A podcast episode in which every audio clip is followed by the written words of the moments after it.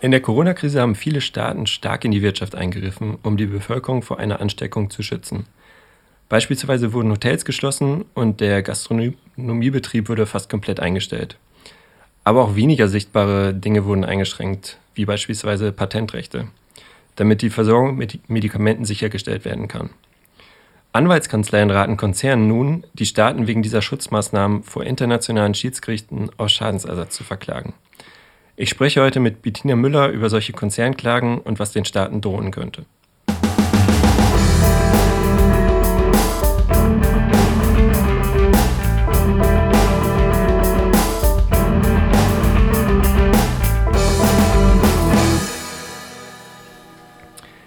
Herzlich willkommen zu Kompass Weltwirtschaft. Ich bin Nico Beckert, Pressereferent bei der Berliner NGO PowerShift. Wir arbeiten für eine ökologisch und sozial gerechte Weltwirtschaft. Ich sitze hier mit Bettina Müller, unserer Handels- und Investitionsexpertin. Bettina, willkommen im kleinen PowerShift-Studio. Hallo Nico, schön wieder hier zu sein. Ja, lass uns am besten sofort einsteigen. Ähm, ich habe es eingangs erwähnt, Konzernklagen gegen staatliche Maßnahmen zum Schutz vor Covid-19 oder Corona. Äh, was bedeutet das jetzt? Was muss man sich darunter vorstellen? Darunter muss man sich vorstellen, dass ausländische Investoren, die beispielsweise in Deutschland aktiv sind, die Möglichkeit hätten, vor internationalen Schiedsgerichten den Staat Deutschland äh, auf Schadensersatz zu verklagen, beispielsweise weil Deutschland das Patentrecht aufgeweicht hat, um besser an äh, Medikamente zur Versorgung der Bevölkerung zu kommen. Okay, du hast die internationalen Schiedsgerichten gerade angesprochen. Ähm, ich frage mich jetzt, wie werden solche absurden Klagen denn überhaupt möglich? Also was steckt dahinter? Ja, und zwar ähm, sind das Klagen bzw. Klagemöglichkeiten, die in bilateralen Investitionsabkommen und in Handelsabkommen in sogenannten Investitionsschutzklauseln verankert sind. Diese Klauseln und diese Möglichkeit überhaupt ähm, ist tatsächlich interessanterweise auf Deutschland äh, bzw. auf das Agieren eines Deutschen zurückzuführen, damals auf Hermann Josef Abs. Äh, seines Zeichens Vorstandsvorsitzender äh, der Deutschen Bank in den 50er und 60er Jahren, der von Konrad Adenauer persönlich damit beauftragt worden ist, ähm, ein, entsprechendes Instrument zu entwickeln, um Investitionen im Ausland äh, besser zu schützen. Ja, und daraus sind dann diese bilateralen Investitionsabkommen entstanden mit entsprechend auch diesen Klauseln, die es eben ausländischen Investoren in Ländern, zwischen denen eben diese Abkommen bestehen, äh, vor internationale Schiedsgerichte zu ziehen. Und diese Schiedsgerichte, manche von äh, Ihnen haben wahrscheinlich schon vom ICSID gehört, das ist ähm, das Schiedsgericht der Weltbank. Das ist das am meisten angerufene äh, Schiedsgericht weltweit. Und vor dem können dann Investoren Klage einreichen gegen Staaten, wenn sie meinen, dass das Handeln der Staaten, dass bestimmte neue Gesetze, die erlassen worden sind, ähm, die Gewinne der Konzerne einschränken in dem Land ähm, oder auch die erwarteten Gewinne. Ja, also man ist davon ausgegangen, man hat ein Geschäft und dieses Geschäft ist dann durch beispielsweise eine Klimaschutzregelung nicht zustande gekommen oder wurde massiv eingeschränkt und dann haben sie oder die Möglichkeit. Corona-Regelung. Oder jetzt Corona und äh, sie haben die Möglichkeit dann ähm, genau zu klagen. Okay, du hast jetzt diese Investitionsschutzabkommen äh, angesprochen, die zwischen Staaten abgeschlossen werden. Ähm, vielleicht ganz kurz, wie viele oder mit wie vielen Ländern hat Deutschland so ein Abkommen? Deutschland ist tatsächlich das Land, das am meisten äh, bilaterale Investitionsschutzabkommen abgeschlossen hat. Ich meine, aktuell sind es 129. Äh, damit ist Deutschland Spitzenreiter. Und äh, wie gesagt, war ja auch Vorreiter äh, überhaupt in dem Abschluss und in der Entwicklung dieser Abkommen. Okay. Ähm, und nochmal zurückgehend jetzt auf die Klagen oder potenzielle Klagen gegen Corona-Maßnahmen.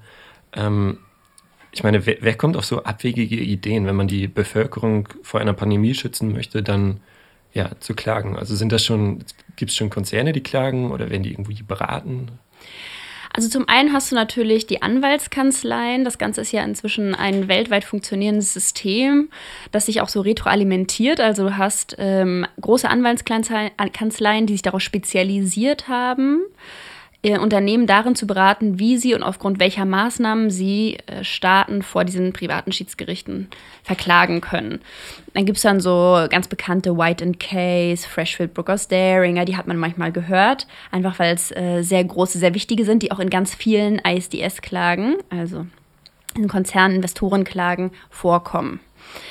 Ähm, und die beraten jetzt beispielsweise schon Unternehmen darüber, wie sie aus diesen äh, Corona-Maßnahmen der Staaten Profit schlagen können. Da gab es eine ganze Reihe von Veröffentlichungen, von Webinaren, die von diesen Anwaltskanzleien organisiert worden sind, von Artikeln, die geschrieben worden sind, äh, welche Klauseln innerhalb der Abkommen der bilateralen Investitionsabkommen beispielsweise man benutzen könnte, um gegen das aufgeweichte Patentrecht, um gegen äh, beispielsweise die Aussetzung der Zahlung von Wasserrechnung, von Stromrechnung, was ja in einigen Ländern passiert ist, zu klagen, die Teilprivatis äh, Teilverstaatlichung von äh, Hospitälern. Das sind alles Möglichkeiten, aufgrund derer eben solche Klagen äh, durchführbar wären, laut dieser Anwaltskanzleien. Und tatsächlich gibt es auch schon konkrete Klagedrohungen. Beispielsweise gegen Peru. Peru hat ähm, angekündigt, ähm, kurz nachdem äh, Corona in dem Land ausgebrochen ist, die Mautzahlungen auszusetzen während der Pandemie, um äh, eben das Zirkulieren von systemrelevanten Arbeiterinnen, Arbeitnehmerinnen und auch von Produkten zu vergünstigen. Und daraufhin ist jetzt eine offizielle Klagedrohung eingegangen von den ausländischen Mautbetreibern dort, also der, der privatisierten äh, Straßen in Peru. Und interessanterweise äh, ist das Ganze jetzt vor dem ähm, obersten Gerichtshof in Peru gelandet, der sich jetzt damit befassen muss, ob dieses Gericht äh, dieses, diese Entscheidung der Regierung nicht zurückgenommen werden sollte.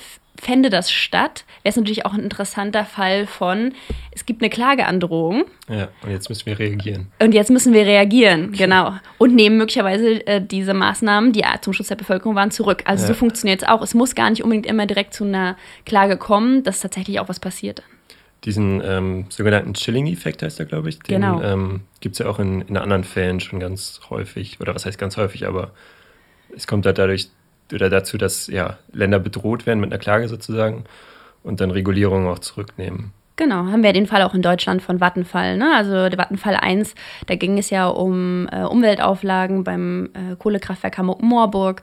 Und da hat damals auch dann der Hamburger Senat beschlossen, diese Umweltauflagen zum Teil wieder zurückzunehmen, ja. nachdem die Klage längst schon eingereicht war. Du meinst, diese Klage wird dann zurückgenommen, weil halt Millionen und Milliarden Schadensersatzklagen drohen? Genau. Okay. Ähm, du hast jetzt schon das Beispiel Peru genannt, die jetzt gerade so ein bisschen im, im Feuer stehen. Gibt es denn auch historische Beispiele, damit es vielleicht ein bisschen anschaulicher wird, wo Staaten ja nach Krisensituationen, vielleicht nach einer Finanzkrise oder so, schon wirklich verklagt wurden, weil sie das Leben der Bevölkerung ähm, ja, schützen wollten oder halt Krisensymptome mindern wollten? Ja, es gibt ein ganz konkretes Beispiel, das auch jetzt häufig zu Rate gezogen wurde. Und zwar ist es äh, Argentinien 2001. Argentinien ist 2001 in eine massive Wirtschaftskrise gerutscht, äh, Staatsbankrott erklärt und ähm, zu dem Zeitpunkt waren mehr als 50 Prozent der Bevölkerung unter der Armutsgrenze. Die Arbeitslosigkeit lag bei über 25 Prozent. Ähm, und es wurden Änderungen an der Währung, die damals äh, an den Dollar angepasst war, vorgenommen. Der Peso wurde abgewertet. Und es wurden dann ähm, auch dort die Heizkosten, die Wasserkosten und so weiter eingefroren, damit die Bevölkerung, die hätte das ja gar nicht bezahlen können, ja, ähm, in dieser Situation. Und daraufhin wurde das Land massiv von Klagen überfallen. Also wirklich, äh, die haben inzwischen, ist Argentinien ist weltweit das meist verklagte Land vor internationalen Schiedsgerichten mit 62 Klagen. Und 42 von diesen Klagen, oder 43 sogar, gehen auf diese Krise von 2001 zurück. Viele eben aufgrund äh, des Themas der Wasserversorgung, ähm, auch äh, Energiepreise und so weiter. Also ähm, das ist ein ganz eindeutiges Beispiel. Und interessanterweise, das ist auch ganz spannend, weil Argentinien sich jetzt wieder in dieser Situation befindet und auch wieder eine Klage bekommen könnte von ähm, äh, Gläubigern, die Staatsanleihen aufgekauft haben von Argentinien. Damals äh, hat, ist das Land ja in, in Staatsbankrott gegangen, hat gesagt, wir bedienen unsere Schulden nicht mehr und hat dann von 180.000 äh, italienischen Gläubigern eine Sammelklage von einem Schiedsgericht bekommen. Und äh, die wurde dann auch positiv, beziehungsweise kam dann zu einer Einigung. Ähm, Argentinien hat dann 1,3 Milliarden Dollar an die äh, italienischen äh, Gläubiger bezahlt. Und jetzt tatsächlich steht Argentinien ja wieder kurz vorm Staatsbankrott. Es ist, äh, geht wieder um Schulden, Schuldenzahlung und White Case, die Anwaltskanzlei, die ich ja schon erwähnt hatte, äh, ähm, wie sagt man es am besten? Ja, die äh, hat jetzt auch schon wieder Artikel veröffentlicht, in denen sie die Gläubiger Argentiniens darüber berät, wie sie möglicherweise dann eine Klage anstreben können von dem Schiedsgericht gegen das Land. Okay, und ähm, wenn ich mir jetzt vorstelle, Corona-Krise hat ja auch viele Länder des globalen Südens betroffen oder betrifft sie gerade noch stärker als uns eigentlich. Ähm, da drohen ja jetzt auch wieder Staatsbankrotte. Das heißt, selbst wenn ich einem Staat mein, mein Geld leihe oder als, als Investor ähm, ja, Anleihen kaufe, zählt das als Investition, die Klage nach, Klagen nach sich ziehen können.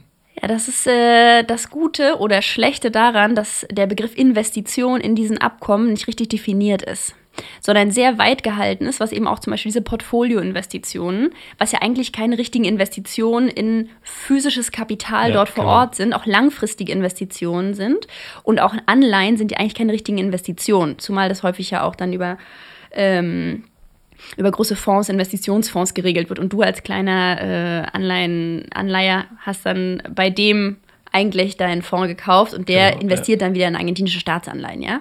Ähm, deswegen dürfte das theoretisch, und das war auch einer zum Beispiel in diesem Fall äh, der italienischen äh, Gläubiger gegen Argentinien, war das eine große Debatte. Ist das überhaupt eine Investition? Aber wie gesagt, da der Investitionsbegriff so sehr lasch formuliert ist, beziehungsweise definiert ist in diesen Abkommen, hast du eben dann auch die Möglichkeit, wegen ähm, solcher Ausfälle vor privaten Schiedsgerichten zu klagen. Ja. Okay, sehr spannend, äh, Bettina, und irgendwie auch sehr bizarr. Ähm, lass uns zur letzten Frage kommen. Dieses ganze ICS-System, ISDS-System ist ja total absurd. Also wir hatten auch schon den Podcast mit den Klimaklagen vor einigen Monaten, ähm, wo der Energieversorger Uniper ähm, die Klage gegen die, Nieder den, den niederländischen Kohleausstieg ähm, androht.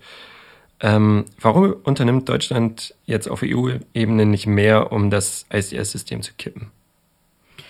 Ja, das liegt äh, sicherlich auch daran, dass deutsche Konzerne von diesem System profitieren. Und zwar nicht nur ein bisschen, wenn wir uns angucken, wie die Bilanz ist. Äh, der Konzernklagen vor Schiedsgerichten äh, haben deutsche Konzerne bereits 69 Klagen gegen andere Staaten eingebracht, wohingegen Deutschland nur in Anführungszeichen vier äh, Klagen bekommen hat. Vier Klagen sind auch schon zu viel. Aber man sieht schon, dass es natürlich eine Disbalance gibt, ja. Äh, zum anderen ist es so, dass Deutschland natürlich Vordenker dieses Systems ist. Äh, es hat die meisten bilateralen Investitionsabkommen, es ist eine Exportnation. Das heißt, es ist natürlich auch davon abhängig, äh, dass die Investitionen seiner Firmen im Ausland geschützt sind, wenn man so möchte, beziehungsweise abgeschirmt werden. Also da gibt es einige Gründe, weshalb Deutschland da nicht stärker gegen dieses System möglicherweise arbeitet, aber sie sind anderer Formen Agenda, die, die jetzt auf EU-Ebene angestoßen wurden und auf internationaler Ebene im Rahmen der UN beteiligt. Das ist allerdings äh, eine sehr weichgewaschene Reformagenda, die nichts an der grundlegenden Logik des Systems, also dass Investoren Staaten vor Schiedsgerichten verklagen können und dieser Weg auch nur Investoren zugänglich ist, Staaten wiederum. Oder auch die Zivilgesellschaft kann nicht gegen äh, Konzerne vorgehen, wenn die ähm, entsprechende ähm, Unverantwortlichkeiten vornehmen. Ja? Also daran wird sich nichts ändern. Okay, also die Grundprobleme werden leider bestehen bleiben. Genau, und das äh, ist ja auch im Interesse Deutschlands insofern, als dass seine Konzerne von diesem System profitieren. Ja.